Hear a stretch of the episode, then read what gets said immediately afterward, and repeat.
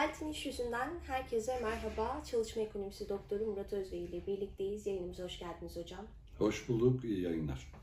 Evet, bu haftaki konumuz öğretmenlik meslek kanunu olacak. Aynı zamanda özel sektörde çalışan eğitim emekçilerinin sorunlarını da konuşacağız. Ee, ilk olarak şunu sormak istiyorum. Öğretmenlik meslek kanunu ne getiriyor ve ne götürüyor? Valla öğretmenlik bu vesileyle, e, program vesilesiyle şöyle bir mevzuat taraması yaptım. Herhalde çok az programımızda bu kadar çok kanun önümüzde ve bunlar ilgili olduğu kanunların tamamı değil. Bunlar doğrudan ilgili olduğu kanunlar ve bakanlar kurulu kararı. Birden fazla mevzuatın ilgilendiren, birden fazla mevzuat statüsünde tanımlanmış bir meslek haline geldi öğretmenlik. Kısaca zaman kazanmak için bunları bir sayalım. İşte kamuda çalışanlar 657 e, sayılı kanuna tabiler. Ayrıca öğretmenlik meslek kanununa tabiler. E, sosyal güvenlik anlamında 5434 sayılı kanuna tabiler. Kamuda sözleşmeli çalışanlar ise e, 1978'de çıkan bir yasa tabi olarak çalışıyorlar ve Bakanlar Kurulu'na göre bir takım özlük hakları düzenleniyor. E, özel sektörde çalışan, özel öğretim kurumlarında çalışanlar için ise iki tane kanun söz konusu. Birisi işte 5580 sayılı Özel Öğretim Kurumları Kanunu, diğeri de 4857 sayılı İş Yasası Kanunu. Bu kadar çok mevzuatın içerisinde her bir statülerine ve durumlarına göre farklı farklı sonuçlar ortaya çıkıyor. O nedenle tamamını özetlemektense ana başlıklar halinde bir özetlemek lazım. İlk sorudan başlayacak olursak öğretmenlik meslek kanunu aslında öğretmenlik dediğimiz uzmanlık alanını kendi içerisinde hiyerarşik bir yapıda bölüyor ve parçalanıyor. Evet. Kanunun getirdiği aslında 657'den ya da şu anki mevzuattan farklı olan şey öğretmenlik kariyer basamakları diye 6. maddede yapmış olduğu düzenleme. Burada bir normal öğretmen, pardon özür dilerim, öncelikle bir e, öğretmenliği adaylık süresi diye ayırıyor. Evet. Bu adaylık süresi en az bir yıl, en fazla iki yıl. Bu adaylık süresi içerisinde öğretmen adayı olarak yer alıyor ve tabii tıpkı stajyerlerde ya da çıraklarda olduğu gibi bunun anlamı şu, öğretmenlik yapacak ama öğretmenin alması gereken özlük haklarına, sosyal haklarına öğretmen gibi hak edemeyecek ve bu bir yıl ya da en fazla iki yıllık süre içerisinde yoğun bir emek sömürüsüne maruz kalarak çalıştırılacak demektir. Ne yazık ki sadece süreç ekonomik mali haklardan kalmak anlamında değil, hiyerarşik bir terbiyeye de tabi tutuyorlar. İşte kadrolu öğretmenlerin öğretmenler odasına gidemiyorlar. Hı hı. Sürekli ötekileştiriliyorlar. Daha küçümsenen, daha az öğretmenmiş gibi düşünülen, e, daha buyurucu bir dile maruz kalan bir statü yaratılmış oluyor. Aday öğretmenlikten öğretmenliğe geçiş ilişkin kanunda bir takım koşullar var. Bunları tekrarlamayacağım. Ee, öğretmen oluyor. Sonra e, uzman öğretmenlik diye bir şey belirlenmiş. Aday öğretmenlik dahil öğretmenlikteki kıdem süresi 10 yıl olanlar 180 saatten az olmayacak şekilde uzman öğretmenlik eğitim programlarına katılmaları halinde e, daha sonra sınava girecekler. Bu sınavdan en az 70 almaları koşuluyla uzman öğretmen oluyorlar. E, bir de baş öğretmenlik diye bir şey yapılıyor. Uzman öğretmenlikte en az dikkat bak. Uzman öğretmenlik için aday öğretmenlik dahil 10 yıl, baş öğretmenlik için ise uzman öğretmenlikten sonraki 10 yıl ve 240 saat eğitim almış olması koşuluyla yine sınava girecekler. En az 70 e, puan almaları halinde de baş öğretmen statüsüne kavuşmuş olacaklar. İstisnası ne? Uzman öğretmenlik için yüksek lisans yapılması halinde baş öğretmenlik için doktora yapılmış olması halinde aslında ikisi birden de tanımlanabilir. Yüksek lisans eğitimini tamamlayanlar uzman öğretmen ünvanı için öngörülen, doktora eğitimini tamamlayanlar ise baş öğretmen için öngörülen yazılı sınavdan muaf tutulacaklar. Böyle bir hiyerarşi. Bakacak olursak 2 yıla kadar en fazla aday öğretmenlik diye bir statü.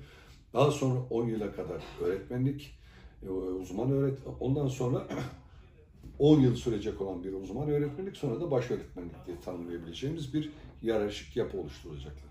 Şimdi bu kariyer basamakları ve bu yapı ister istemez yine e, sosyal ilişkiler dahil öğretmenlerin kendi içerisinde bölünmesi ve farklılaşmalarını da beraberinde getirecek. Rekabeti de artıracak bir şey. Tabii. Hem rekabeti artıracak hem de en alttakini daha güvencesiz hale getirecek. E, çalışma psikolojisi bize göstermiştir ki yaratılan bu tür statüler o statünün sosyal davranışları tanımlandığında statüyü hak edenler tarafından o davranışların birebir kullanıldığını göstermiştir. Baş öğretmen dediğin şöyle olacaktır diye bir tarif yapacak. Baş öğretmen, uzman öğretmeni, uzman öğretmen, öğretmeni, öğretmen, aday öğretmeni ötekileştirecek, ezecek ve böyle bir yarışık yapı çıkacak. Tüm angaryalar yukarıdan aşağı doğru bu şekilde tanımlanacak.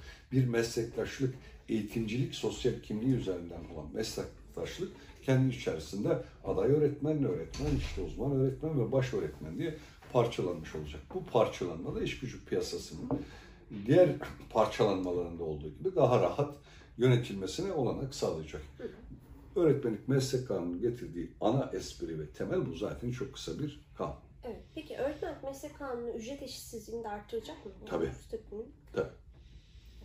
Ee, yani sendikalar aslında eğitim sendikaları buradan karşı çıkıyorlar doğrudan. Ee, şimdi şey sormak istiyorum hocam. Özel sektörde çalışan eğitim emekçileri açısından e, tablo daha da vahim aslında bakarsanız. E, şimdi programımıza genel sorular var. Onlardan birini sorarak başlamak istiyorum. E, özel sektörde çalışan eğitim emekçileri malumunuz yaz tatili yaklaşıyor ve önümüzdeki 2022-2023 eğitim öğretim yılına girerken sözleşmelerin yenilendiği de bir dönem. Ama şöylesi dayatmalarla karşılaşıyorlar. E, bir yıllık değil 10 aylık sözleşme, e, yaz tatilinde çalıştırmama gibi durumlar söz konusu. Buraya dair ne söylemek istersiniz? Özel sektörde e, çalışanların uğradığı hak gasplarından biri de bu. Şimdi aslında 10 aylık sözleşme dayatamazlar. Kanun çok açık.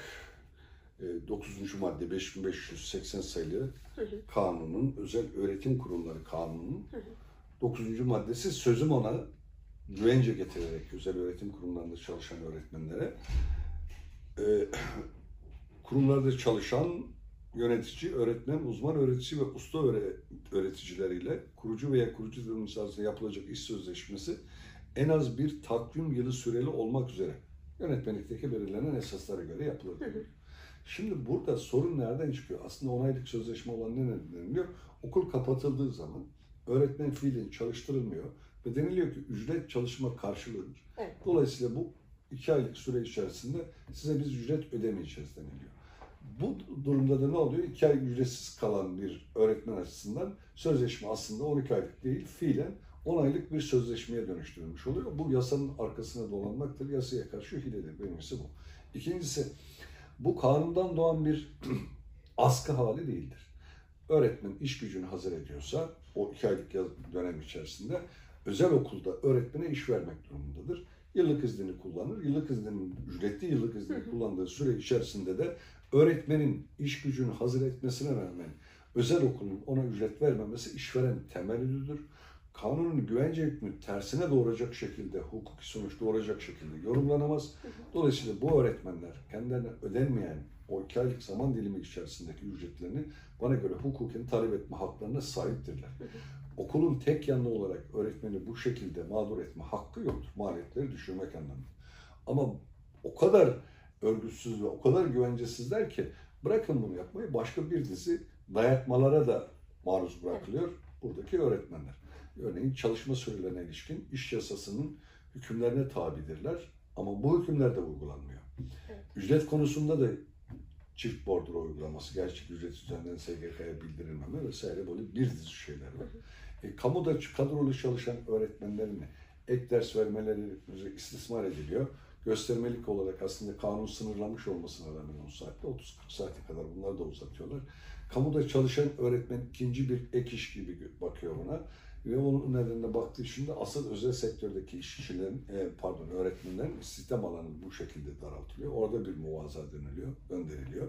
E, kamuda bir kadrolu öğretmenler var, bir de sözleşmeli öğretmenler var. Sözleşmeli öğretmenler de aslında özel sektörde çalışanlardan çok farklı değiller. Onların da bir başka mağduriyeti o anlamda yaşıyor. Evet. Ama bu- sorunun net yanıtını söylemek gerekirse bir takvim yıl yani 365 günü dolduracak şekilde sözleşme yapmak zorundadırlar. Üstelik bunu o kadar mutlak yorumlamıştır ki Yargıtay İştihatı Birleştirme kararı bu kanundan doğan bir sorumluluktur bir yıllık sözleşme demiştir. Ve bunun belirli süreli iş sözleşmesi olduğu sonucuna ulaşmıştır. Dolayısıyla bu öğretmenler iş güvencesinin 4857 sayılı iş yasasından kaynaklanan iş güvencesinin de kapsamı dışında bırakılmışlardır.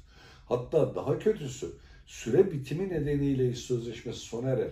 Okul herhangi bir yenilememe talebinde, e, bildiriminde bulunmazsa bu işçilerin kıdem tazminatları da yok. Tam onu soracaktım. Belirli süreli olarak kabul edildiği için ihbar tazminatları da gitmiş durumdadır. Yani e, özel sektörde çalışan e, eğitim emekçilerinin şu haliyle kıdem tazminatı hakkı gasp ediliyor. Şimdi Diyebilir miyiz? deriz de ayrım yapmak lazım. Eğer öğretmen için haklı bir fesih sebebi var ve öğretmen feshetmiş ve bir yılı doldurmuşsa daha eski çalışmalarıdır. Bir, yani birer yıllık sözleşmelerde çalışmış da olsa ilk işe girdiği tarihten itibaren kıdem tazminatının esas kıdemi hesaplanacak. Örneğin evlilik nedeniyle sona erdirilmiş. Ya da başka bir haklı nedenle sona erdirilmişse kıdem tazminatı ödenecek. Eğer işveren öğretmene bildirim yaparak ben senin e, sözleşmeni yenilemeyeceğim, gelecek dönemde çalışmayacağım diye bir bildirimde bulunmuşsa yine kıdem tazminat hakkı ödeyecek. Ama hiçbir bildirimde bulunmamış, sözleşmenin süresi bitmiş, harç bitti, inşaat paydosu demişler. İşte o zaman kıdem tazminatı gidiyor ve dolayısıyla da özel okul şeylerde niye bildirimde bulunsunlar? Bu yolu seçerek kıdem tazminatını hakkını sınırlandırıyor. Tümüyle ortadan kaldırmıyor. Haklı bir neden varsa, haklı nedeni olan öğretmen diyelim ki sözleşmenin süre bitimine kısa bir süre kala kendisi feshedip haklı nedenlerle zaten ihbar tazminatı almıyor. Kıdem tazminatını alarak bunu boşa çıkartmaya çalışmalısını önerir. Peki tam burada şunu sormak istiyorum. Pandemi döneminde çok yaygın uygulanan kısa çalışma ödeneği uygulaması. Ee, özel sektörde çalışanlar açısından da şöyle bir tablo var. Kısa çalışma ödeneğine başvuruyor özel okul sahipleri. Fakat öğretmenler tam zamanlı çalıştırılıyor, ücretler eksik yatırılıyor, sigortalar zaten eee, eksik yatırılıyor. Bu buraya dair mesela bu bir haklı nedenle fesih nedeni sayılabilir mi? Evet. Bu bir kere açıkça kanuna aykırı bir çalışma sistemi. Yasa dışıdır. Hem işkur dolandırılmış oluyor. Hı hı. Yani resmen devletin kasasından para çalmaktan hiçbir farkı yoktur bu Evet. yapılan uygulamanın. Hı hı. Dolayısıyla bu öğretmen açısından bir haklı fesih sebebidir. Bunu uygulayan özel okul açısından idari para cezayı ödemesini gerektiren bir idari suçtur bu anlamda.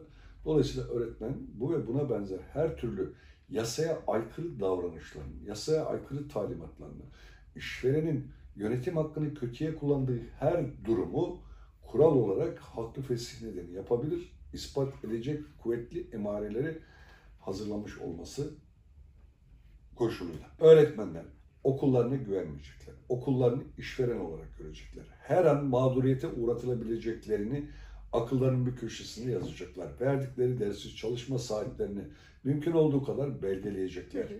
Yap, işverenin verdiği yasa dışı talimatları görünür kılmaya, örneğin yazılı olarak ver demeye, işte elektronik postayla iletişim kurmaya, WhatsApp'la iletişim kurmaya yani sonuçta uçup gitmeyen, arkasında iz bırakan, kanıtlanabilir bir takım en azından delil başlangıcı diyebileceğimiz şeylerle kendilerini garantiye almaları gerekir. Peki hocam. Şimdi öğretmenlik meslek kanununa tekrar bir geri dönüş yapmak istiyorum. Şuradan.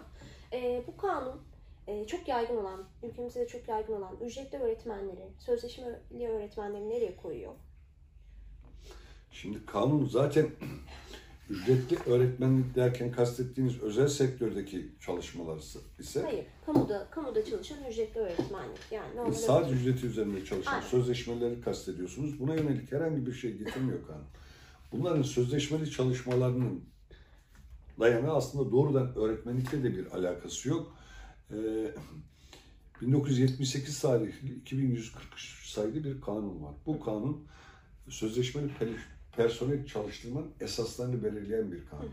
Bu kanuna dayalı olarak da bir bakanlar kurulu kararı çıkartılmış. Bu bakanlar kurulu kararına da dayalı olarak işte koşullarını, esaslarını belirleyerek işe alınmalar, örneğin devlet memurlarında aranan koşulların tamamı sözleşmeli öğretmenlerde de ya da ücretli öğretmenlikte de aranıyor. Bu bakanlar kurulu kararıyla işin esasları belirlenmiş durumda. Öğretmenlik meslek kanunun böyle bir getirdiği bir şey yok, statüyü belirlemiyor. Öğretmenliği sadece tarif ediyor. Eğitim, öğretimle bununla ilgili yönetim görevlerini üzerine alan özel bir ihtisas mesleğidir diye tanımlıyor. Şimdi burada sorun şu bakın. Öğretmenliğin e, sosyal statüsünü düşürüyorlar bir. E, öğretmenliğin işin net cazibesi dediğimiz iktisat kuralında bu sosyal statüsüyle doğrudan ilgili bunu düşürüyorlar. İki, şunu gölgeliyorlar. devletin en temel vatandaşlara karşı görevlerinden birisi eğitim faaliyetinin örgütlenmesi. Eğitim faaliyetlerinin bilimsel esaslara göre yürütülebilmesi için eğitimi veren öğretmenin güvencede olması lazım. O yüzden 657 sayılı Devlet Memurları Kanunu kapsamındaki bir güvenceyi en azından oradaki güvence ki o güvencenin nasıl kullanıldığı, nasıl sürgünlere tabi tutulduğunu her birimiz kendi öğrenim yaşamlarımızda değişen siyasi iktidarlara göre bunları görmüşüzdür.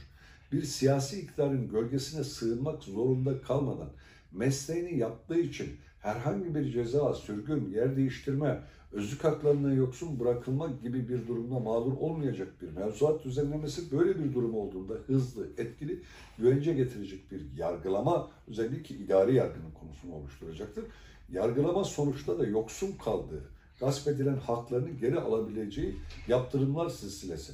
Bunlarla öğretmenin güvence altına alınmış olması lazım ki bizim öğrencimize ki dolayısıyla da ülkenin geleceğini şekillendirirken bağımsız düşünebilen, soran, soruşturan, araştıran, sorgulayabilen bireyler, çağın sorumluluklarını alabilecek bireyler, sorumluluklarını, yetkilerini, haklarını ve yükümlülüklerini kavrayabilmiş bireyler, kendilerini imtiyazlı görmeyen, kendilerini dokunulmazlık görmeyen, dolayısıyla da otoritenin aynı zamanda bir sınırlılıkları belirleyen olması. Bu otorite derken fiziki şiddet kullanan öğretmenleri söylemiyorum.